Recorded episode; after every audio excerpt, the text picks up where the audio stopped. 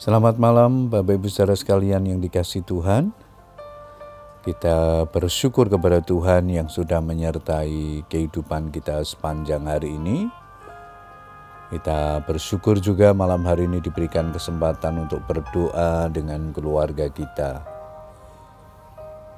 Saya akan membagikan berkat firman Tuhan untuk mendasari doa-doa kita yang malam hari ini diberikan tema kasih kepada Tuhan.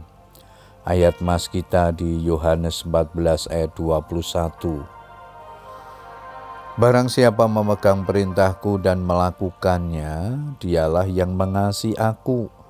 Dan barang siapa mengasihi aku, ia akan dikasih oleh Bapakku, dan aku pun akan mengasihi dia, dan akan menyatakan diriku kepadanya.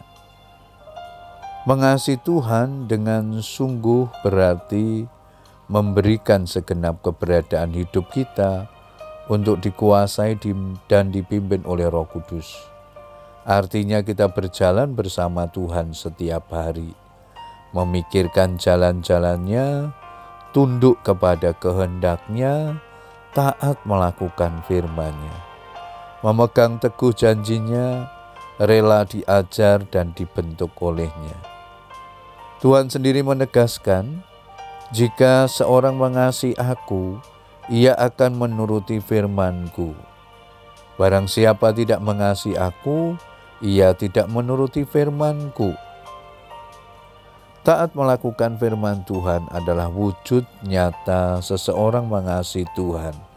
Sebab bukan setiap orang yang berseru kepadaku, Tuhan, Tuhan, akan masuk ke dalam kerajaan surga, melainkan dia yang melakukan kehendak Bapakku yang di surga.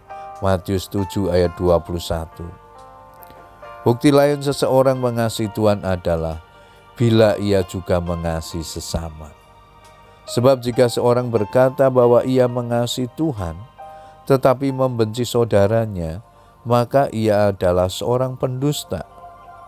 Memiliki kasih adalah tanda seseorang sudah mengalami kelahiran baru yang dikerjakan oleh Roh Kudus. Kamu akan kuberikan hati yang baru dan roh yang baru di dalam batinmu, dan aku akan menjauhkan dari tubuhmu hati yang keras dan kuberikan kepadamu hati yang taat. Yeskiel 36 ayat 26 Setiap orang yang ada di dalam Kristus adalah ciptaan baru yang seharusnya mewarisi karakter kasih, di mana kemudian kasih itu mengalir keluar. Bila ada orang Kristen yang masih bersikap egois, gampang mendendam, menyimpan akar pahit, kebencian, sakit hati, tidak bisa mengampuni orang lain, dan sebagainya, tak ada kasih di dalam dirinya. Mengasihi orang lain merupakan balasan kasih yang telah diberikan Tuhan kepada kita.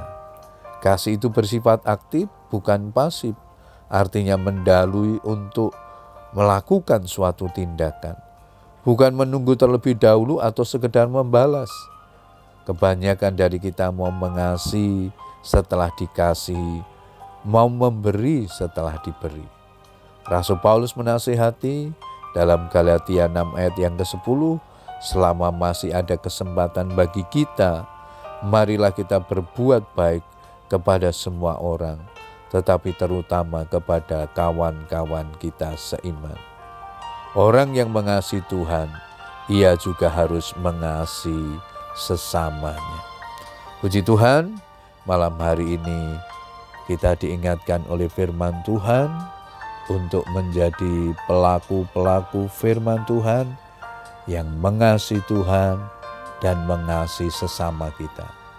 Kiranya Roh Kudus memampukan kita untuk dapat melakukan firman-Nya di dalam kehidupan kita setiap hari.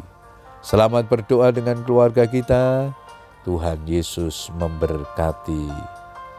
Amin.